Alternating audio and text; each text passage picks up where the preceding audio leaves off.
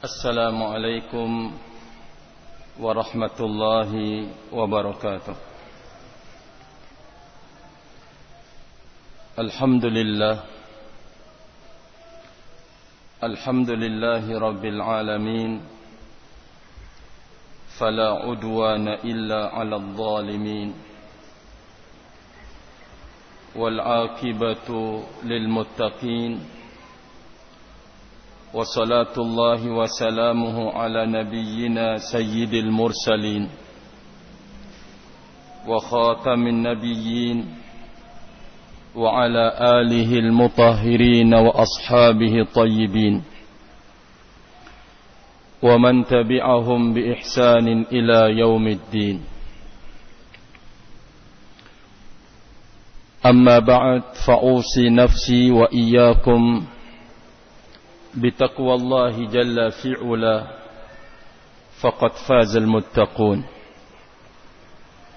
قال الله عز وجل في كتابه يا أيها الذين آمنوا اتقوا الله حق تقاته ولا تموتن إلا وأنتم مسلمون.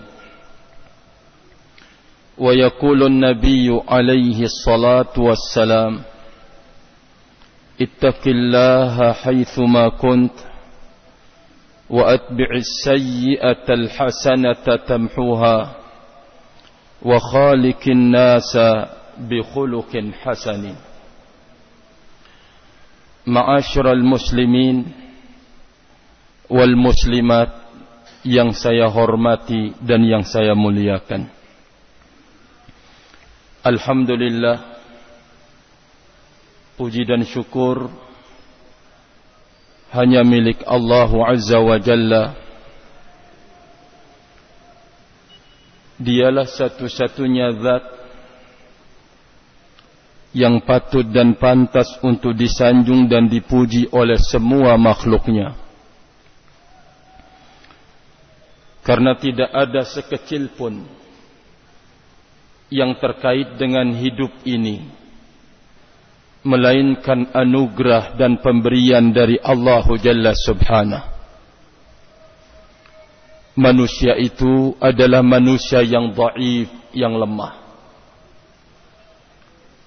Manusia itu adalah manusia yang zaluman jahula. Banyak mempraktikkan sifat-sifat kejahilan kata Allah Jalla wa Ala dan sering menerapkan di dalam hidupnya praktik kezaliman. Banyak berbuat zalim. Allah Azza wa Jalla menyebutkan pula di dalam Al-Quranul Karim bahawa manusia itu adalah orang yang fuqara'u ila Allah Azza wa Jalla orang yang sangat butuh dan membutuhkan Allah Subhanahu wa taala. Maka di saat sifat-sifat itu masih melekat pada dirinya, dia tidak sadar kalau dia adalah orang yang fakir kepada Allah Jalla Subhanahu karena pada dirinya itu ada sifat keangkuhan dan kesombongan seolah-olah orang yang tidak butuh kepada Allah Jalla wa'ala. Seolah-olah orang yang tidak barakallahu fikum membutuhkan pertolongan Allah Jalla subhanahu wa ta'ala maka semoga Allah Jalla wa'ala memasukkan kita ini ke dalam golongan kaum. Melalui tali ibadah ini adalah orang yang sangat butuh kepada Allah Jalla wa'ala orang yang paling butuh kepada Allah Subhanahu wa taala. Maka keimanan yang ada pada diri kita akan membimbing dan mengarahkan. Semua hajat yang kita miliki akan kita arahkan kepada yang akan memenuhi hajat itu. Semua kebutuhan yang ada di dalam hidup ini kita akan utarakan kepada yang akan menutupi hajat itu dialah Allah Azza wa Jalla. Maka dialah satu-satunya zat yang patut dan pantas untuk dipuji oleh seluruh makhluknya. Dan kita manusia yang lemah. Kita adalah manusia yang fakir yang sangat membutuhkan. Tidak ada peluang dan pintu sesungguhnya untuk mencari sanjungan dan pujian di tengah manusia ini. Tidak ada barakallahu fikum pintu untuk kemudian kita mencari sanjungan dan pujian.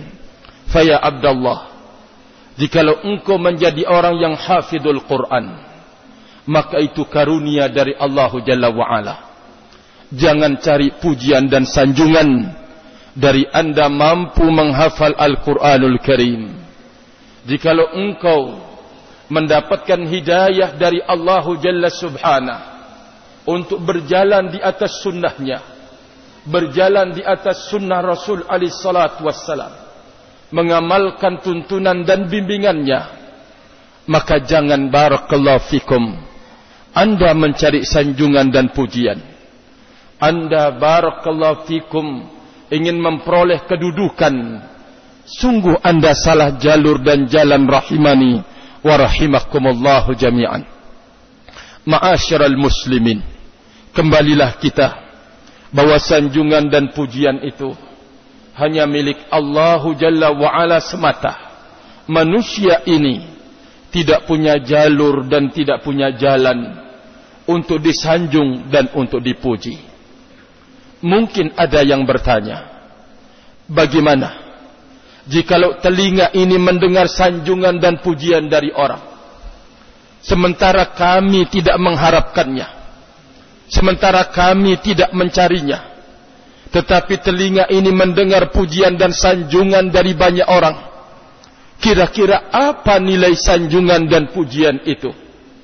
Hal ini pernah ditanyakan kepada Nabi Yunus sallallahu alaihi wa ala alihi wasallam.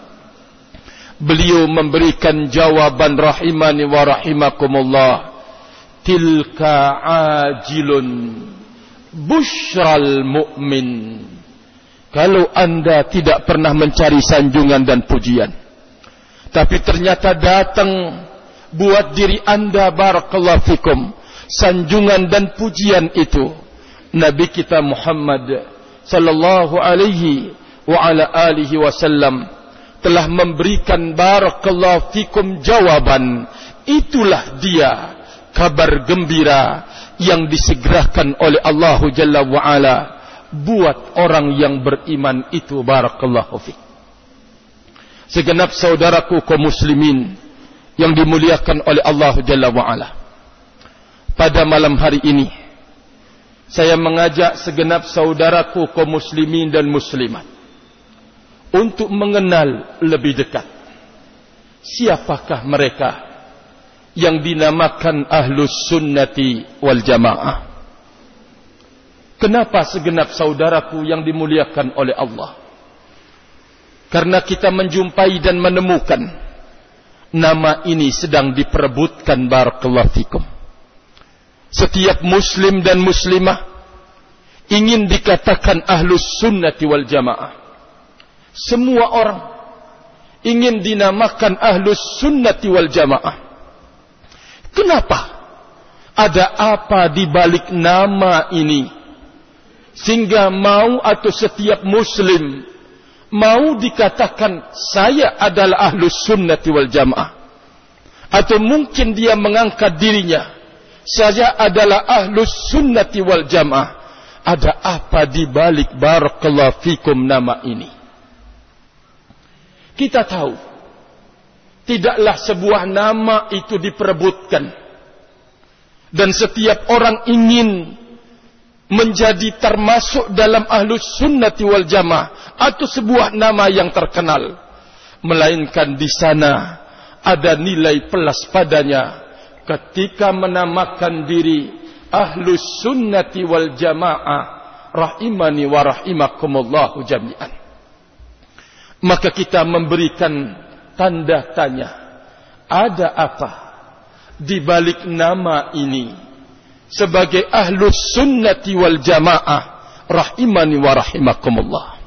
Biarkan nabi kita Muhammad sallallahu alaihi wasallam yang memberikan jawaban untuk kita mengetahui bahwa di belakang nama ini ada kemuliaan.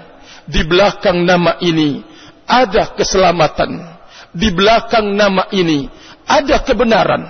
Di belakang nama ini barakallahu fikum ada kemenangan dan kewibawaan yang dipersiapkan oleh Allah Jalla Subhanahu wa taala. Apakah karena nilai yang terdapat di belakang nama inilah sehingga saudara kita dan kita ingin menjadi ahlus sunnati wal jamaah atau kita termasuk dalam orang yang ikut-ikutan barakallahu fikum rawal Imam Ahmad dan diriwayatkan pula oleh al-Imam Tirmidzi dari sahabat Irbad ibnu Sariyah radhiyallahu taala anhu. Ar-Rasul alaihi salatu wassalam Irbad ibnu Sariyah mengatakan wa adhana Rasulullah Rasulullah sallallahu alaihi wasallam mau'izatan balighatan dharifat min, dharafat minha al-uyun wajilat minha al-qulub faqulna ya Rasulullah ka'annaha mau'izatu muwaddi'in fa'ausina kata Irbad ibnu Sariyah radhiyallahu taala anhu Rasul alaihi salatu wassalam telah menitip wejangan buat kami. Menyampaikan nasihatnya buat kami. Yang menyebabkan rasa takut muncul di dalam hati kami. Dan mata ini meneteskan airnya kata Irbad ibnu Sariyah. Lalu kemudian kami berkata kepada Rasul alaihissalatu wassalam ya Rasulullah. Wahai Rasul Allah wasiat ini adalah seolah-olah wasiat perpisahan. Nasihat ini adalah seakan-akan nasihat perpisahan. Maka titipkanlah buat kami pesan-pesan engkau. Fa'ausina wasiatkanlah kepada kami kata Irbad ibnu Sariyah radhiyallahu taala anhu bercerita kemudian barakallahu fikum Nabiuna sallallahu alaihi wa ala alihi wasallam memberikan pesan-pesan dan nasihat-nasihat serta wejangan sebagai wejangan perpisahan dia dengan para sahabatnya dan dengan umatnya secara menyeluruh. Kata beliau alaihi salatu wassalam. Usikum bitaqwallahi was-sam'i wat-ta'ati wa in ta'ammara 'alaikum 'abdun habashi saya wasiatkan kepada kalian kata Rasul alaihi salatu wassalam agar kalian bertakwa kepada Allah Subhanahu wa taala. Saya wasiatkan kepada kalian agar taat dan mendengar kepada pemimpin kalian walaupun yang memimpin kalian itu adalah dari kalangan budak Habasyah. Saya wasiatkan kepada kalian agar kalian bertakwa kepada Allah Subhanahu wa taala. Saya wasiatkan kepada kalian agar kalian menjadi orang yang patuh mendengar apa yang dibimbingkan dan diperintahkan oleh pemimpin walaupun yang memimpin engkau itu dari kalangan budak Habasyah kata Rasulullah alaihi salatu wassalam lalu kemudian beliau menyebutkan fa innahu man ya'ish minkum fasayara ikhtilafan katsira fa alaikum بسنتي وسنة الخلفاء الراشدين المهديين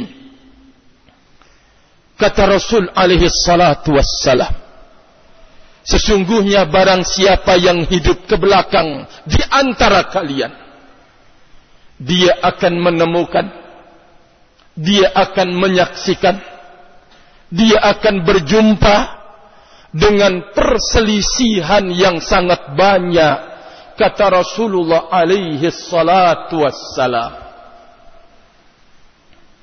Berita yang dititipkan yang akan terjadi sepeninggal beliau akan terjadi ikhtilafan kathira. Perselisihan yang banyak kata Rasulullah alaihi salatu wassalam. Lalu kemudian Nabi kita Muhammad sallallahu alaihi wasallam menitipkan pula langkah dan jalan keluar dari perselisihan tersebut. Tidak hanya memberitakan lalu menjadikan takut kepada diri para sahabat Nabi Ridwanullah alim ajma'in. Namun beliau juga memberitahukan langkah keselamatan. Apa jalan keselamatan itu?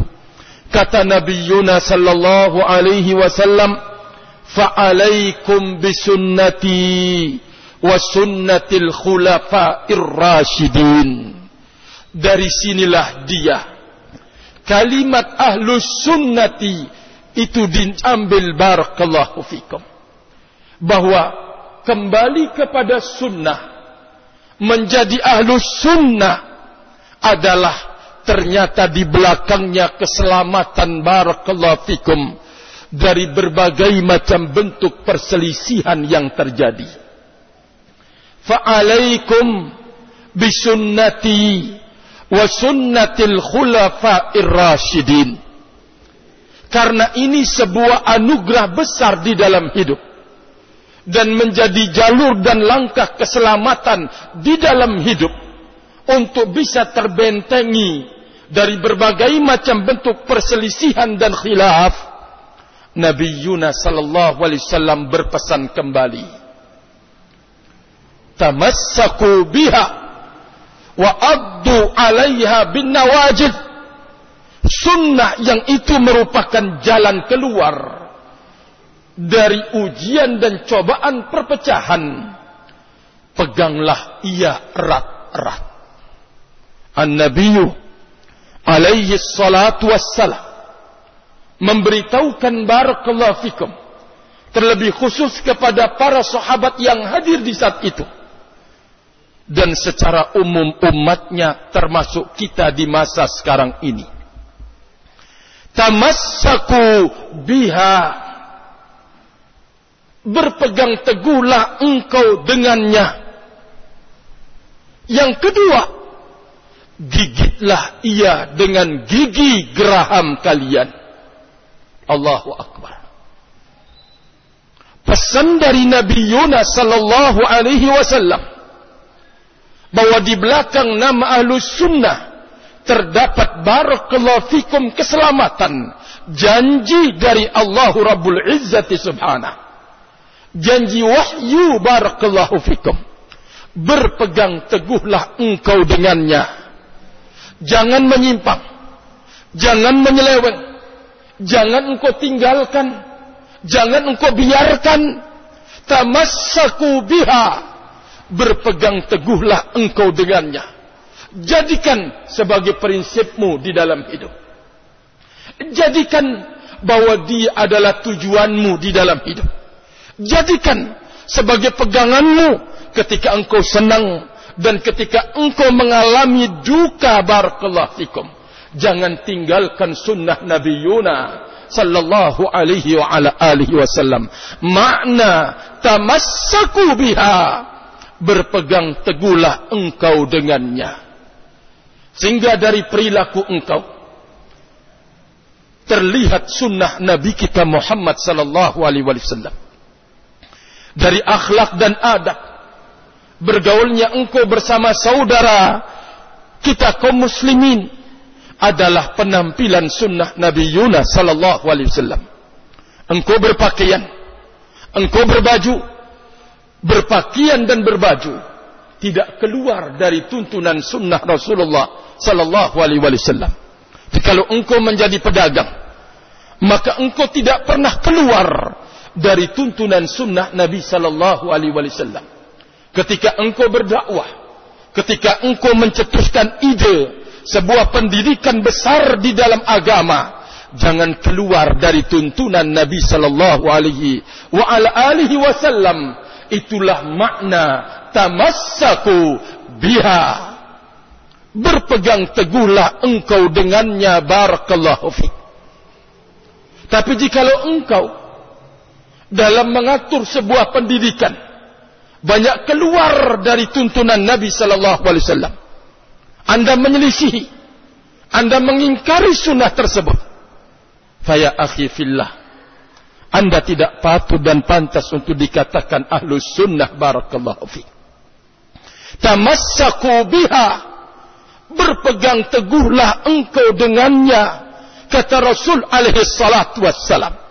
Setelah engkau mempraktikkannya dengan amal nyata, baik engkau ketika seorang diri, ketika engkau hidup bersama keluargamu, ketika engkau hidup di tengah-tengah masyarakatmu, dan ketika engkau menjadi pimpinan dalam sebuah lembaga pendidikan atau dakwah ilallah jalla subhanahu engkau tetap berpegang dengan sunnah Rasulullah sallallahu alaihi wa ala alihi wasallam. Di sinilah letak wasiat agung dari Nabi Yunus sallallahu alaihi wasallam. Tamassaku biha. Berpegang teguhlah engkau dengan sunnah Rasulullah alaihi salatu wassalam.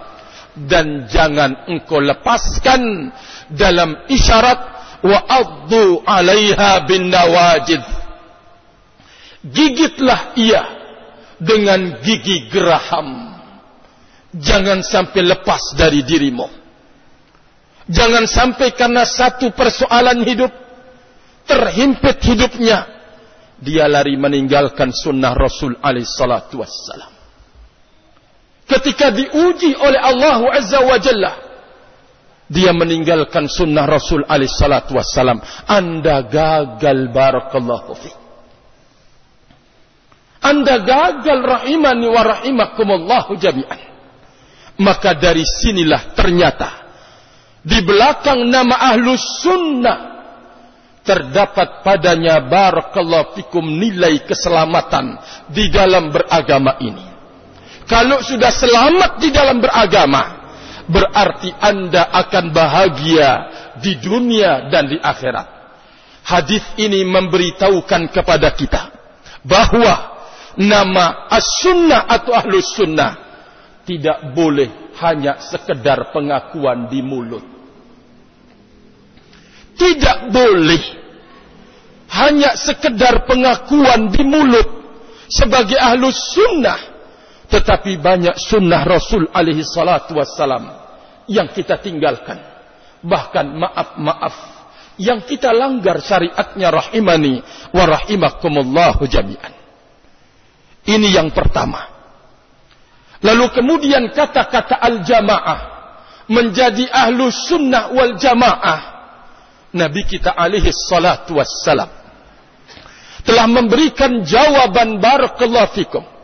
Ternyata di belakang nilai ini ada lambang kebenaran yang harus diikuti barakallahu fikum. Ternyata di belakang nama ini al-jamaah ada nilai keselamatan dan kemuliaan. Bahkan kemenangan barakallahu fikum di dalam hidup ini rahimani wa rahimakumullah. Rawal imam Abu Dawud fi sunani. Dari hadis Muawiyah bin Abi Sufyan radhiyallahu taala an kata nabiyuna sallallahu alaihi wa ala alihi wasallam iftaraqatil yahud ala sintaini wa sab'ina firqah وافترقت النصارى على ثنتين وسبعين فرقة وستفترق أمتي على ثلاث وسبعين فرقة كلها في النار إلا واحدة kata Nabi Yunus sallallahu alaihi wa ala alihi wasallam orang-orang Yahudi telah tercabik-cabik agamanya atau mereka dalam beragama menjadi 72 golongan. Kaum Nasara menjadi 72 golongan dan umatku akan terpecah menjadi 73 golongan semuanya kulluha finnari ay umatnya Nabi sallallahu alaihi wasallam semuanya dalam ancaman neraka illa wahidah kecuali satu kata Rasulullah alaihi salatu wassalam.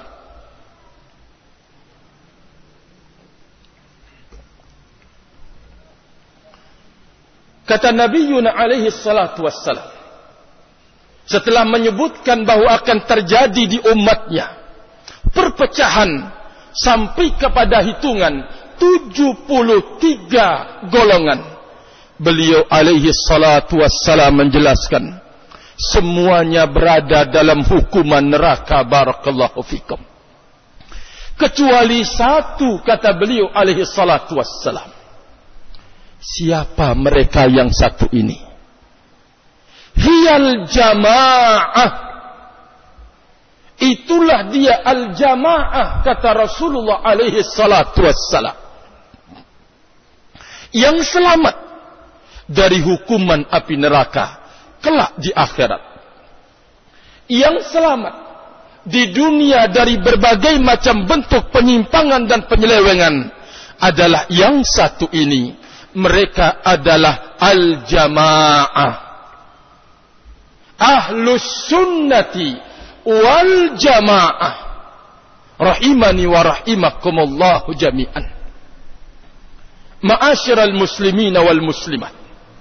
Ternyata di belakang nama ahlus sunnati wal jamaah ini terdapat nilai sebuah keselamatan di dunia dari berbagai macam bentuk penyimpangan dan penyelewengan dan selamat di akhirat kelak dari hukuman neraka rahimani wa rahimakumullahu jami'an.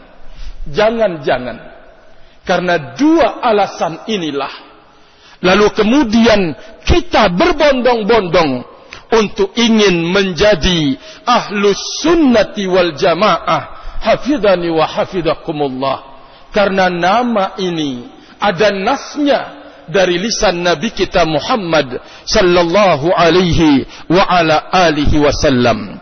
Berarti ahlus sunnati dinamakan sebagai ahlus sunnah adalah orang yang konsekuen berjalan di atas sunnah Rasulullah alaihi salatu. Dalam manhajnya dia tidak memilih kecuali langkah yang telah ditapaki oleh Nabi kita Muhammad sallallahu alaihi wasallam. Dalam keyakinannya dia tidak berkeyakinan kecuali dengan keyakinan yang telah diajarkan oleh beliau alaihi salatu wassalam. Dia tidak melakukan praktik ibadah menerapkan akhlak dan adab melainkan apa yang datang dari sunnah Nabi kita Muhammad sallallahu alaihi wa ala alihi wasallam maka dia adalah ahlus sunnati rahimani wa rahimakumullah. Wal jamaah kata-kata al jamaah untuk lebih terang dan jelasnya mari kita mendengarkan ucapan Abdullah ibnu Mas'ud radhiyallahu taala anhu yang disebut dengan al jamaah ma wafaqal haqqa wa in kunta wahdak selama anda berjalan dengan kebenaran walaupun engkau seorang diri maka engkau adalah al-jamaah. Dari gambaran dan pemberitahuan Abdullah ibnu Mas'ud radhiyallahu taala anhu adalah ahlul sunnah wal jamaah. Al-jamaah orang yang selalu mencocokkan hidupnya dengan kebenaran yang datang dari Allah Jalla. Subhanahu wa taala rahimani wa rahimakumullah jami'an. Inilah dia yang disebut dengan ahlus sunnati wal jamaah. Hafidhani wa hafidhakumullah lalu bagaimana ciri dalam hidup mereka? Apakah mereka adalah sebuah organisasi ataukah mereka adalah sebuah yayasan atau mereka adalah sebuah kelompok barakallahu fikum? Jawabannya tidak barakallahu fikum. Ciri mereka adalah orang yang kembali kepada kebenaran dalam kondisi apa pun. Kedua, dia menjunjung tinggi kebenaran itu dan meletakkan di atas segala-galanya. Dan yang ketiga, dia menghormati dan memuliakan kebenaran dan siapa pun yang berjalan di atas kebenaran rahimani wa rahimakumullah jami'an. Ahlus sunnati wal jamaah barakallahu fikum.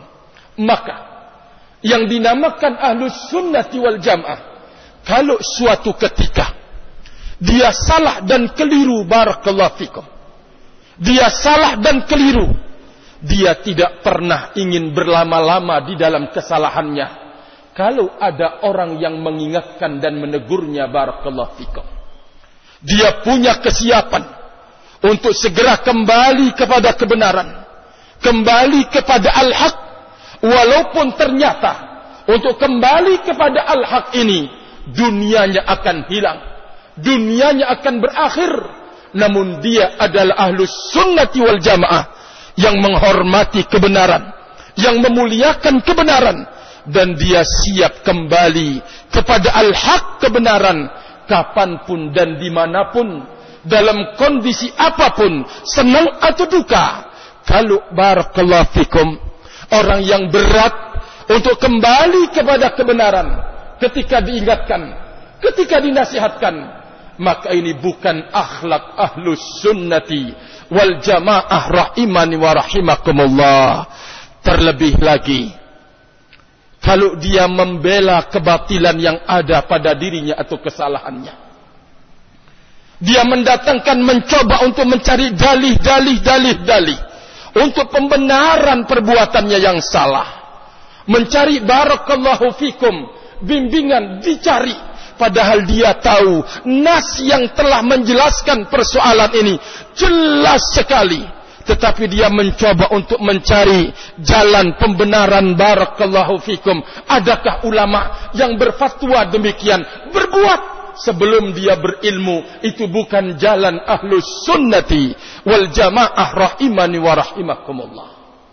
Termasuk ciri dari ahlus sunnati wal jamaah apa yang ditulis oleh Al-Imamul Bukhari di dalam kitab sahih beliau dan beliau meletakkan bab padanya. Bab al-ilmu qabla al-qawli wal amali. Berilmu sebelum berkata dan sebelum berbuat. Rahimani wa rahimakumullah jami'an. Ahlus sunnati wal jamaah adalah orang yang benar-benar berusaha mendasarkan semua amalnya itu dengan ada dalilnya baik dari Al-Quran atau sunnah Rasulullah alaihi salatu wassalam. Karena itulah dia konsep yang disebutkan dalam perjalanan para pendahulu kita yang soleh meletakkan sebuah konsep di dalam beragama. Al-ilmu qabla al-qawli wal amali. Berilmu sebelum berkata dan sebelum berbuat. Hafidhani wa hafidakumullah hal ini didasari dengan firman Allah Jalla wa Ala di dalam surat Muhammad. Fa'lam annahu la ilaha illallah. Wastaghfir li dzambika dia tidak akan berbuat karena ikutan ikut-ikutan kepada fulan, alan, kepada Umar, kepada Muhammad abadan. Kalau dia melihat sebuah amalan, dia mencoba mendatangi, ya akhi, wa ya ustad, saya ingin mengamalkan amalan ini. Apa ada dalilnya dari tuntunan Nabi kita Muhammad sallallahu alaihi wasallam? Ini sikap berhati-hati di dalam menimba atau menerapkan agama Allah Jalla Subhanah. Yang kedua, bahwa ahlus sunnati wal jamaah tidak akan menggantungkan sebuah kebenaran itu kepada individu orang. Apakah dia alim ulama? Dia tetap meletakkan alim ulama itu di bawah barakallahu fikum kebenaran. Jikalau sang alim itu keliru, sang alim itu salah, dia tidak akan tampil untuk memberikan pembelaan walaupun dia salah. Namun dia cepat kembali kepada kebenaran barakallahu fi maksudnya adalah ahlus sunnati wal jamaah orang yang tidak fanatik kecuali kepada kebenaran tidak fanatik kepada individu orang karena dia gurunya karena dia ustadznya karena dia alimnya karena dia ulamanya sama sekali tidak barakallahu fikum. Mereka fanatik kepada al-haq. Sehingga inilah yang menjadi tolak ukur di dalam dia menerapkan agamanya. Kembali kepada al-haq. Siapa saja yang keliru, siapa saja yang salah, dirinya bila keliru, dia tawaduk di hadapan al-haq. Dia cepat kembali siapa pun yang menegar menegurnya.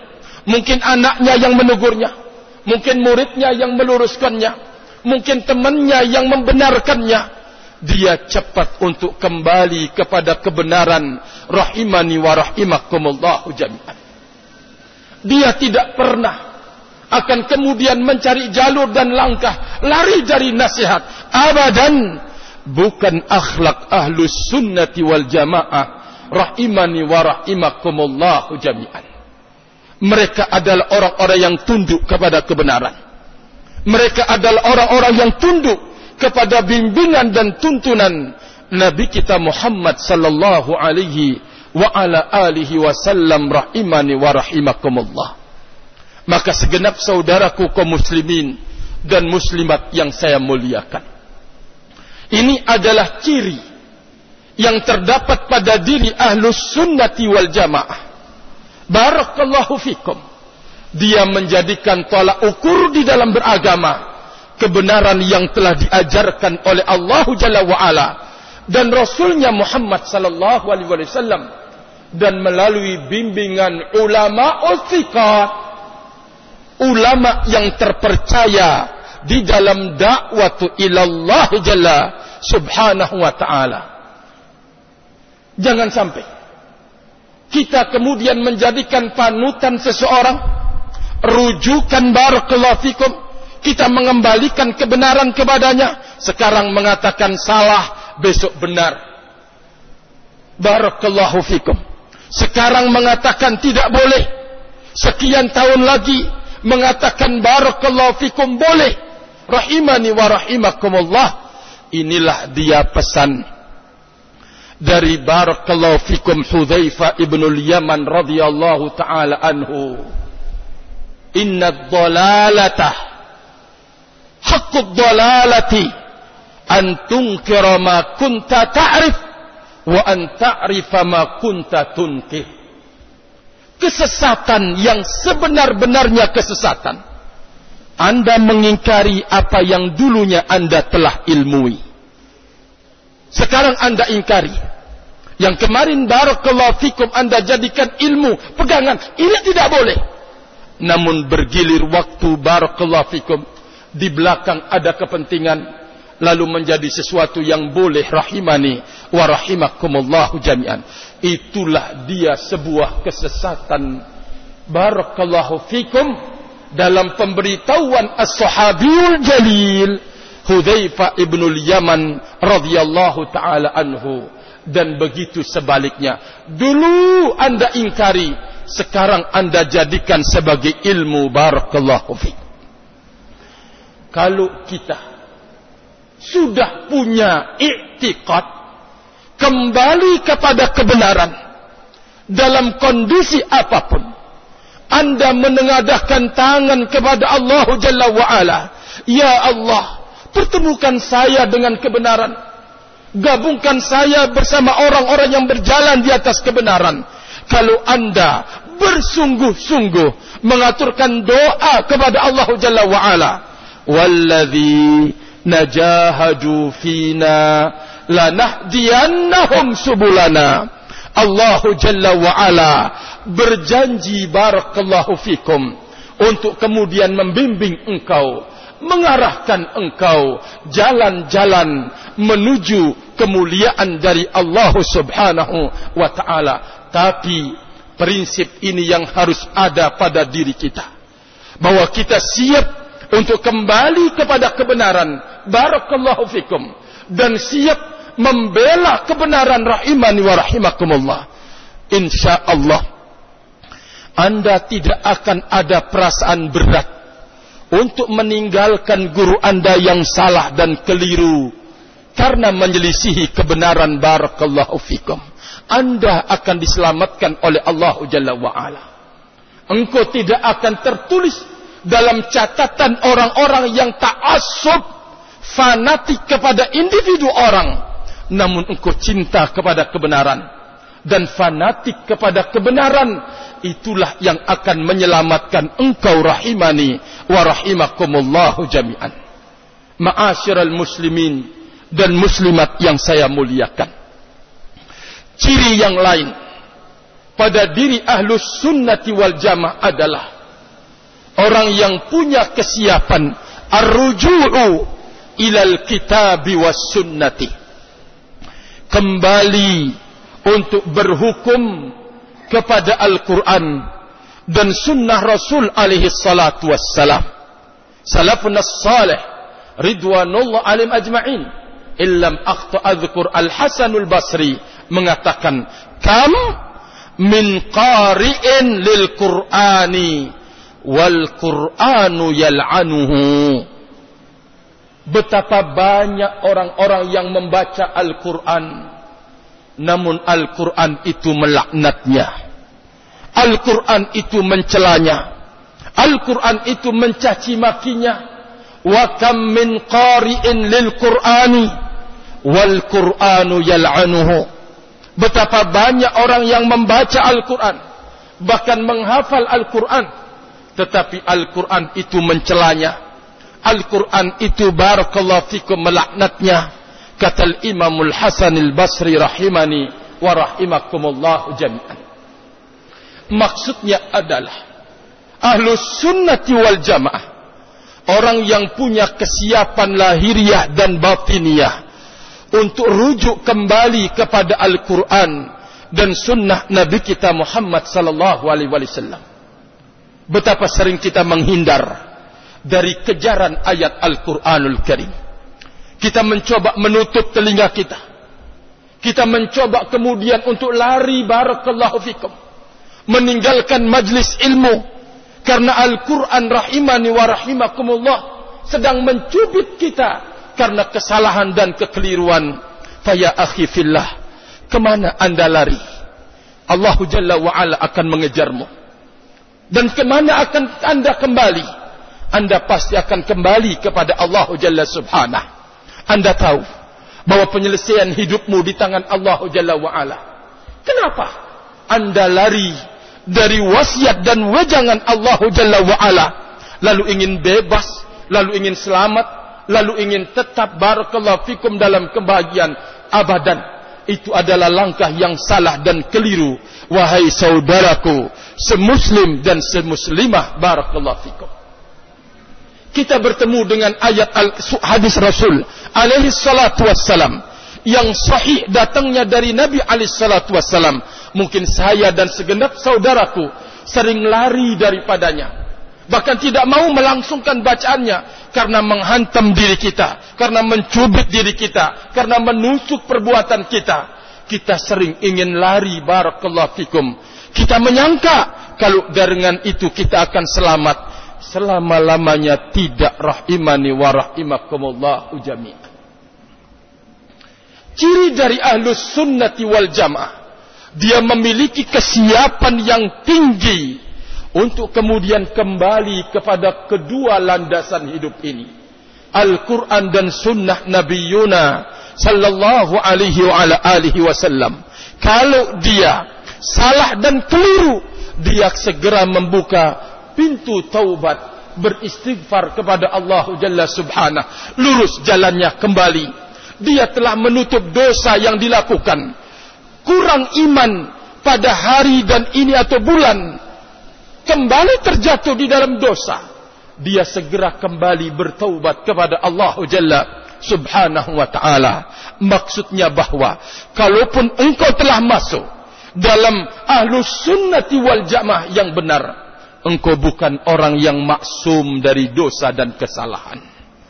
Tetapi barakallahu fikum, engkau harus menjadi terbaik dalam sunnah Nabi Yunus sallallahu alaihi wasallam dan terbagus menjadi masuk dalam golongan al-jamaah anda segera bertaubat dari kekeliruan dan kesalahan kembali kepada Al-Quran dan kembali kepada sunnah Nabi Yunus sallallahu alaihi wa ala alihi wasallam rahimani wa rahimakumullah jami'an. Jangan sampai kita termasuk apa yang kita sebutkan tadi. Berteriak kami ahlus sunnah perjuangkan sunnah perjuangkan al-jamaah. Tetapi praktik kita banyak bertentangan dengan sunnah Rasul alaihi salatu wassalam. Banyak kebatilan yang kita berikan pembelaan padanya banyak kesalahan dan kekeliruan yang kita kerjakan dan lakukan. Faya akhi kalau engkau sadar bahwa engkau sedang melakukan kesalahan, tidakkah engkau akan rasa memiliki rasa malu? Di hadapan Allah Azza wa Jalla ketika engkau berdusta mengaku diri ahlus sunnati wal jamaah tetapi perbuatan engkau tapi pekerjaan engkau tetapi prinsip engkau menjelisihi prinsip sunnah Nabi Yuna sallallahu alaihi wasallam dan menjelisihi prinsip al jamaah rahimani wa rahimakumullah kalau engkau punya rasa malu. Kedua, engkau tidak akan barakallahu fikum berlama-lama di dalam kekeliruan dan kesalahan. Engkau akan segera kembali kepada Al-Quran dan sunnah Nabi Yunus sallallahu alaihi wa ala alihi wasallam. Ciri yang keberikutnya adalah orang yang ihtiram, orang yang memuliakan ulama'u hadhil ummah. Ulama-ulama umat ini. Dia hormati barakallahu fikum. Dia jawa ke, dia jaga kewibawaan ulama umat ini. Namun dia tidak akan bertaassub padanya. Tidak akan fanatik. Apalagi taklid buta kepada seorang ulama tersebut. Abadan. Yang dia ambil adalah bimbingan arahannya yang tidak bertentangan dengan syariat Allah Azza wa Jalla ini bentuk ihtiram penghormatan kita barakallahu fikum kepadanya kedua jikalau kita menemukan ada prinsip, ada ajaran, ada bimbingan yang menyelisihi sunnah Nabi sallallahu alaihi wasallam. Bisa. Dia tidak akan memberikan pembelaan kepada sang alim tersebut. Dia meninggalkan kesalahannya. Karena tidak akan dibiarkan oleh Allah Jalla wa'ala. Seseorang yang melakukan kesalahan atas nama dakwah ila Allah Jalla wa ala. Melainkan Allah akan mengangkat ada yang mengingkarinya, ada yang menegurnya, dan ada yang meluruskannya. Anda akan melihat. Kalau dia akan menjadi ulama rujukan ketika dia gampang kembali meninggalkan kesalahan dan kekeliruan tersebut. Kalau ternyata dia tidak mau rujuk kepada kebenaran, la karamatalah dia tidak punya kehormatan sedikit pun barakallahu fikum. Karena kehormatan itu berpegang dengan kebenaran kembali kepada kebenaran dan memuliakan kebenaran itu barakallahu fikum. Wallahu taala alam bissawab. Apa yang saya sampaikan ini adalah beberapa ciri dari ahlus sunnati wal jamaah barakallahu fikum kita ingin dimasukkan oleh Allah Jalla wa'ala ke dalam golongan ahlus sunnati wal jamaah. Tetapi bukan hanya orang yang mengaku semata namun benar-benar sebagaimana telah dimasukkannya generasi para sahabat Nabi menyusul tabi'in menyusul tabi'ut tabi'in kemudian generasi setelahnya masuk dalam ahlus sunnati wal jam'ah mereka berjuang mereka berkorban segala apa yang dimiliki untuk mempertahankan sunnah Nabi Yuna sallallahu alaihi wa ala alihi wasallam وآخر دعوانا أن الحمد لله. سبحانك اللهم وبحمدك أشهد أن لا إله إلا أنت أستغفرك وأتوب إليك. والسلام عليكم ورحمة الله وبركاته.